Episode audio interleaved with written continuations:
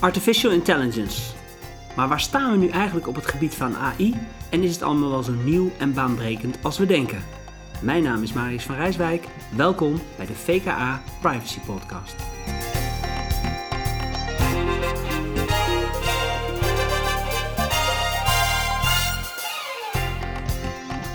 Het onderwerp AI wat we vandaag eh, gaan bespreken is, uh, is complex. En om voldoende diepgang in de discussies te hebben, is deze podcast uh, wat anders dan gebruikelijk.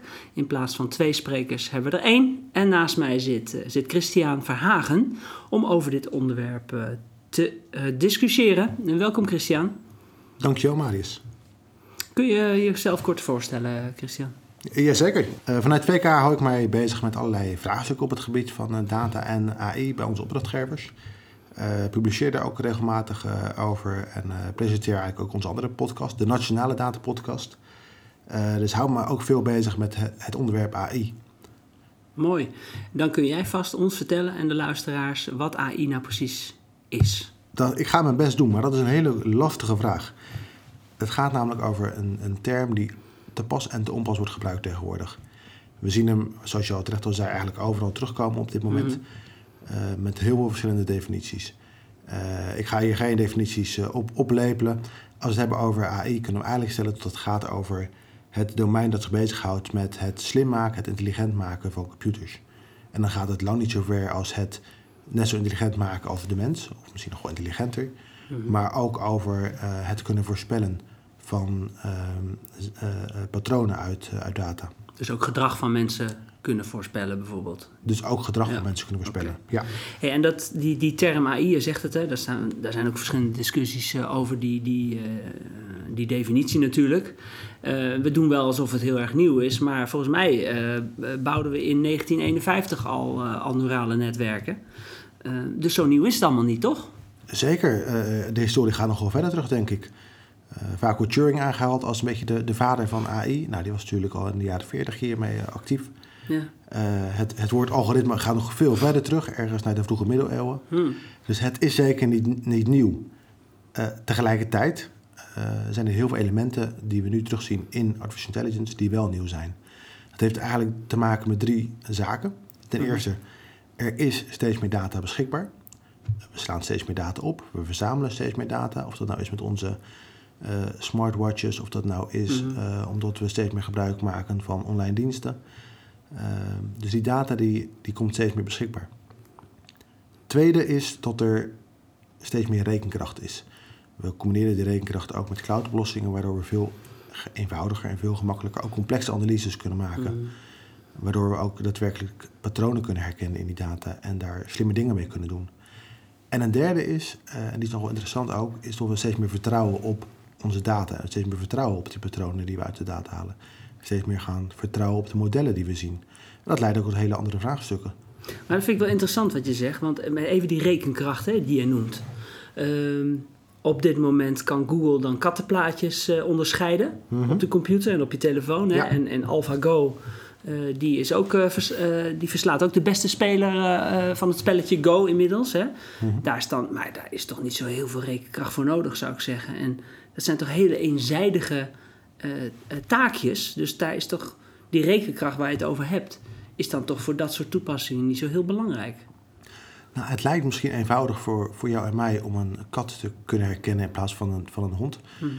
Voor een systeem is dat wel degelijk complex. Okay. En dan zul je denken, wat heeft het nou voor nut om tot je, een, tot je Google Foto's leuk kunt klassificeren of het een hond of een, of een kat is op je vakantiefoto. Yeah. Ja, dat, heeft misschien, dat is misschien leuk.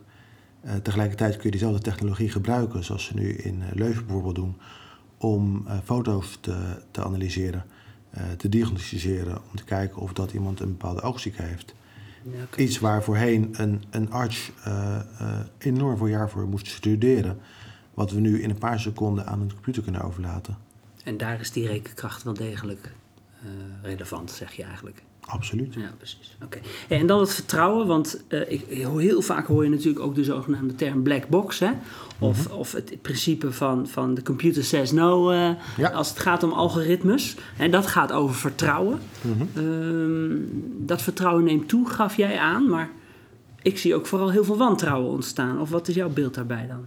Nou, het vertrouwen neemt toe in die zin tot we er steeds meer uh, van uitgaan tot de computer het goed heeft. Als ik mijn navigatie instel, dan ga ik ervan uit dat mijn navigatie beter weet hoe ik moet rijden dan dat ik dat zelf weet. Mm Dat hij alle data meeneemt, dat hij weet waar de files staan, et cetera. Ja, en zo landen er wel eens auto's in de greppel omdat ze de verkeerde afslag hebben genomen. Ja. Als, je dat, als je dat heel letterlijk, letterlijk neemt, dan zijn er inderdaad gevallen geweest waarin ja. moeten sloten in, in reed. Ehm, we vertrouwen daarmee wel steeds meer op onze, onze data. En er zit een valkuil in. En die valkuil die voedt denk ik ook, wat jou terecht aangeeft, is dat er steeds meer wantrouwen komt tegen ja. uh, het gebruik van data, tegen algoritmes. Tot er steeds wordt gesproken over het is een black box, uh, pure zes tafereelen. Uh, en daar zit een kern van waarheid in. Zeker wanneer we niet weten wat er in die algoritmes gebeurt, wanneer we dat niet goed kunnen doorgronden, maar er wel van uitgaan tot het juist is wat er, wat er uitkomt. Ja. Um, ja, dan ontstaan dit soort, dit soort vragen. Dus het is altijd goed om kritisch te kijken naar wat zit nou daadwerkelijk uh, onder de motorkap. Ja. Oké, dus jij, aan de ene kant zeg je ook wel van, nou, je moet inderdaad goed kijken. En ik wil daar straks nog eens even wat dieper op ingaan. Hè. Tegelijkertijd schrijf je in je artikel in Trouw recent uh, verschenen. Ja. Ik zal voor de luisteraars de, de link in de, in de footnote of in de show notes zetten. Uh, geef je ook aan dat die angst om algoritmes dat het onterecht is. Hè? Mhm. En dat die algoritmes juist de overheid kunnen helpen om rechtvaardig beleid te voeren. Ja. Uh, tegelijkertijd hebben we natuurlijk niet heel recent uh, de discussie rondom Syrië gehad, hè, mhm. toepassen. dat dat op, op verkeerde manier toch fraude-uitkeringen werden, werden achterhaald. Ja. Ehm, we kennen het voorbeeld van de Belastingdienst. Hè, ehm, waar ook door middel van algoritmes besluiten worden genomen die negatieve consequenties hebben en ook discriminerend kunnen zijn. Ja. Dus hoe kom je dan tot, tot die stelling van ja, maar die angst is onterecht? Dat... Nou, het is onterecht tot we naar algoritmes kijken als zijnde de boosdoener hierbij. Hm. Uh, of dat we ervan uitgaan dat dit soort uh, zaken in het verleden niet voorkwamen toen uh, deze beslissingen nog volledig bij medewerkers lagen. die vergelijking is niet, niet te maken.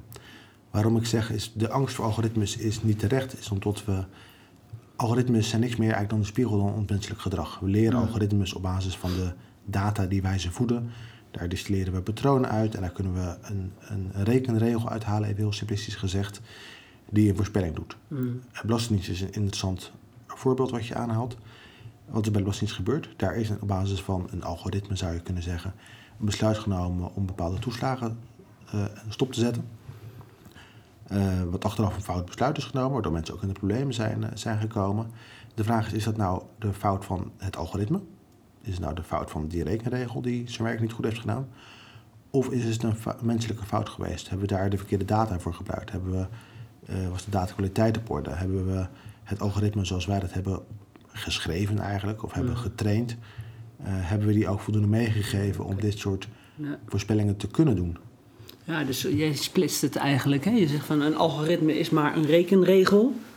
Heel simpel gezegd, ja. De sim, ja, uh, ja, je wilde niet aan de definities, maar dit, is, mhm. dit is er voor mij één die werkt. Ja. Uh, en tegelijkertijd zeg je, ja, maar dat moet je loszien van de, hoe die tot stand is gekomen. Etnisch profileren ja. is ook zo'n dingetje bij de politie. Dat is de menselijke maat van een algoritme eigenlijk. Een fout algoritme zou je kunnen beredeneren. En als je dat in een wiskundig model zet, dan krijg je dus een verkeerde uitkomst. Maar dan is het algoritme niet verkeerd, maar dan is de manier waarop die tot stand gekomen is, die, is dan verkeerd. Dat, hoor ik je zeggen. Dat klopt. Er moet dus ook meer bewustwording komen voor hoe een algoritme tot stand komt. Het is logisch als je een, een algoritme traint met een, een, een, dataset waarin dit soort vooroordelen zitten, mm. tot het algoritme die vooroordelen ook zal overnemen. En daar moet je heel scherp op zijn om te zorgen tot we die eruit weten te filteren, maar tot we niet daarmee gelijk uh, het algoritme in het domhoekje schuiven en het gebruik van algoritmes ter discussie stellen. Ja. Hey, maar en dan, uh, Christian, tegelijkertijd raak je dan het thema ethiek, denk ik ook. Hè? Van, want hoe zorg je dat uh, dat bewustzijn en het begrip van die nieuwe technologie, dat die uiteindelijk tot een goede ethische afweging ook kan leiden? Ja. Dus dat soort aspecten neem je dus mee in het bouwen van algoritmes. Zeker, dat zijn vraagstukken waar, waar je tegenaan loopt. En dat zijn vraagstukken die complex kunnen zijn. Die gaan verder dan de, de, de privacyvraag die hier ook mee gemoeid is. Privacy gaat met name over wat, uh, wat mag ik met mijn data? En heb ik dat allemaal goed afgeschermd en, en et cetera. Uh, ethiek gaat over de vraag, wat wil ik eigenlijk wel? En vind ik het verantwoord? En wat levert het mij op? Ja. En dat is een vraag. En wil ik het? Exact. Ja? En dat is een vraag die, die je niet 1, 2, 3 valt te beantwoorden. Uh, maar waar ook een terechte discussie over gevoerd wordt. En denk ik ook nog veel meer gevoerd zou moeten worden, met name binnen de politiek. Ja. Nou ja, die discussie die begint zich te ontspinnen. En, ja. uh, ik begreep ook dat er misschien wel nieuwe wetgeving aan, uh, aan zit te komen. Ik wil daar straks even op, op doorgaan over die, uh, die nieuwe wetgeving en, en die toezicht op het gebruik van algoritmes. Maar ik las in, in de Volkskrant recent nog uh, ook daar zal ik de, de, in de show notes de, de link voor opnemen voor de luisteraars. Er stond een artikel met twee hele uh, interessante vragen. En die wil ik jou eigenlijk even voorleggen. Mm -hmm. uh, de eerste vraag is: Is er bij de overheid op dit moment in jouw optiek voldoende. Want je, je loopt veel bij overheden rond. Ja. voldoende aandacht voor die beperkingen en die gevaren van deze nieuwe technologie? En vooral die zelflerende algoritmes. Nee. het, het korte antwoord is nee. dat, dat denk ik niet. Um, Deze technologie en deze ontwikkelingen die gaan razendsnel. Uh, die raken overheden. Er liggen enorm veel kansen uh, voor overheden om gebruik te maken van data, technologieën, van algoritmes. Dat is ook hetgeen wat ik bepleit in mijn artikel in Trouw. Ja.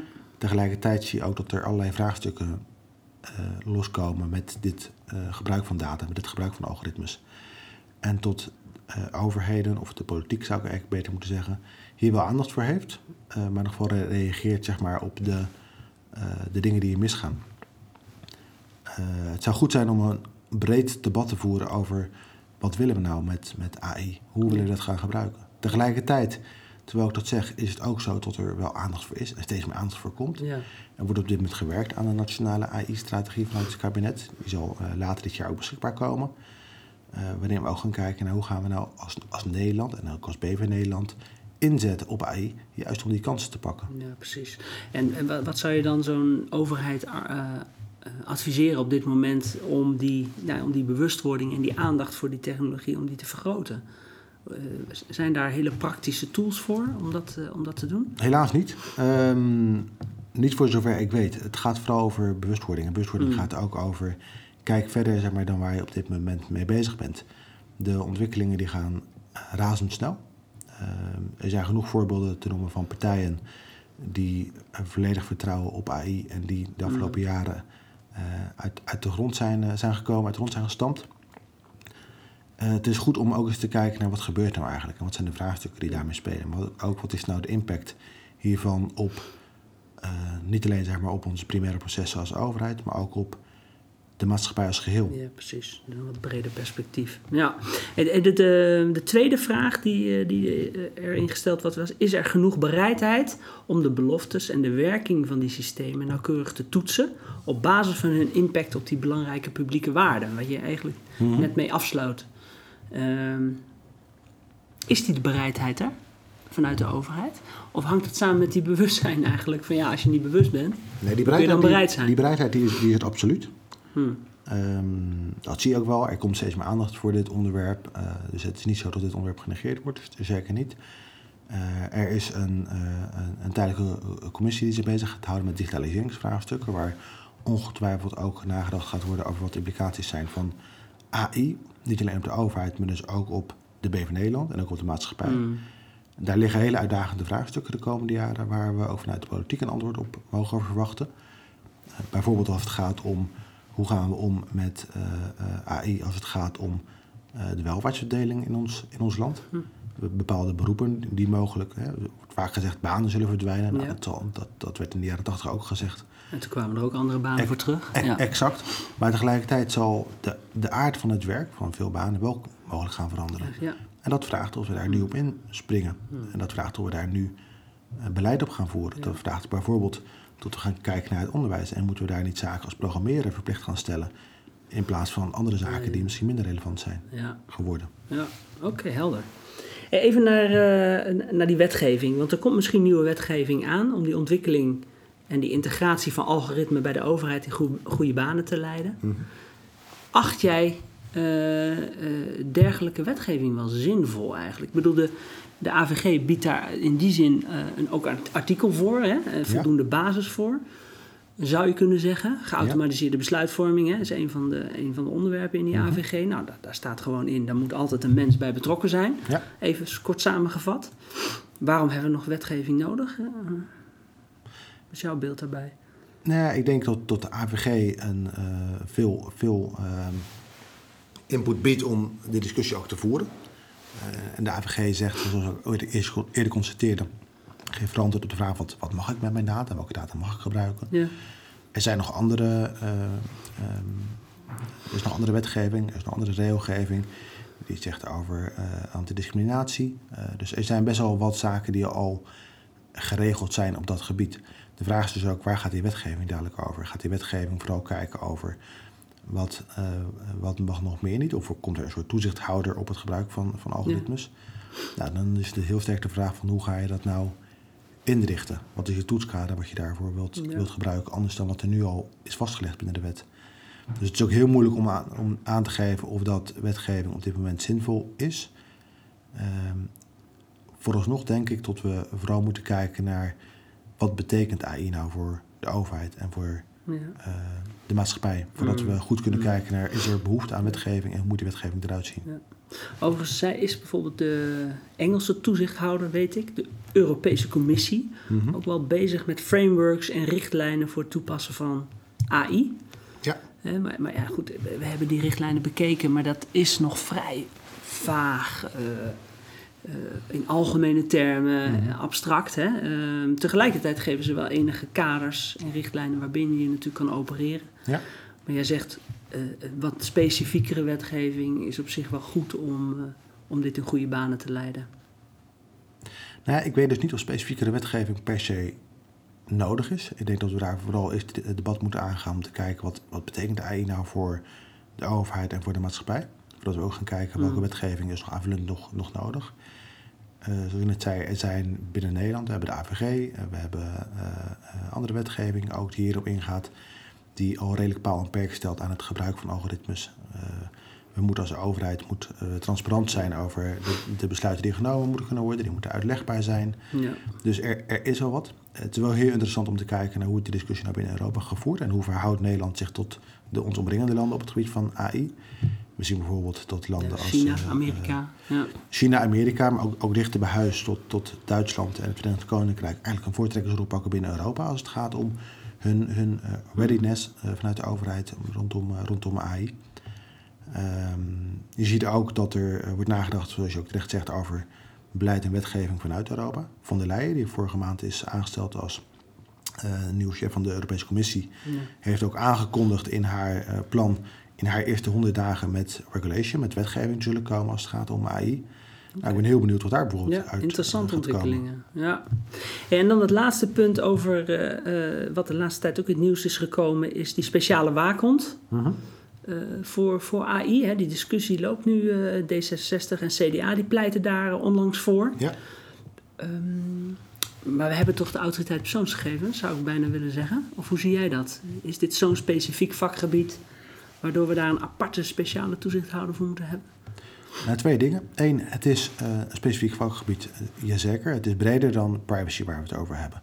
Dus in die zin begrijp ik dat je ook breder kijkt dan alleen de AP. Eh, tegelijkertijd is denk ik de vraag ook: van, is er een toezichthouder op dit moment nodig? En welke vorm krijgt zo'n toezichthouder? Ja, waar gaat die toezicht op houden, zou je bijna zeggen, als er geen regulering is? Exact, dus waar gaat die toezicht op, houden en wat zijn de interventies die je daarop kunt, die, die je zou kunnen nemen, ook als overheid daarbij? En ga je daar niet heel erg reageren op allerlei berichten, um, ook vanuit de media die we nu zien over tot algoritmes een, een, een black box zijn en tot we daar vooral geen gebruik van mm. moeten maken? En gooien we daar maar uiteindelijk ook het kind met het badwater weg als het gaat om AI? Mm. Of wordt het een, een, een, bredere toezichthouder, en die, die rol zou je natuurlijk ook bij een AP of bij een andere instantie kunnen beleggen, die breder gaat kijken dan dat en ook gaat kijken naar het, uh, niet alleen het algoritme zelf, maar ook hoe het is ingeregeld in de organisatie. Ja. Kortom, die realiteit die vraagt ons om, uh, om op de rem te trappen en zorgvuldiger te werk te gaan. En tegelijkertijd wil ik daar zeker niet mee zeggen dat we moeten stoppen, dat geef jij ook al aan, maar bewust nadenken over onder andere ethische consequenties van het gebruik, de impact op de maatschappij als, uh, als geheel. Uh, dat is zeker geen, uh, geen overbodige luxe. Hey, dankjewel Christian. Graag gedaan.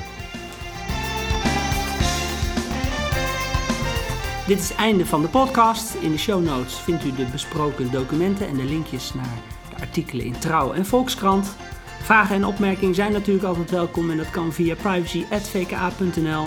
En mocht je nou geïnteresseerd zijn in het onderwerp AI en met name ook wat het voor uw organisatie kan betekenen, laat het ons gerust even weten. Deze podcast kunt u vinden op iTunes en in september hebben we onze volgende uitzending. Tot dan!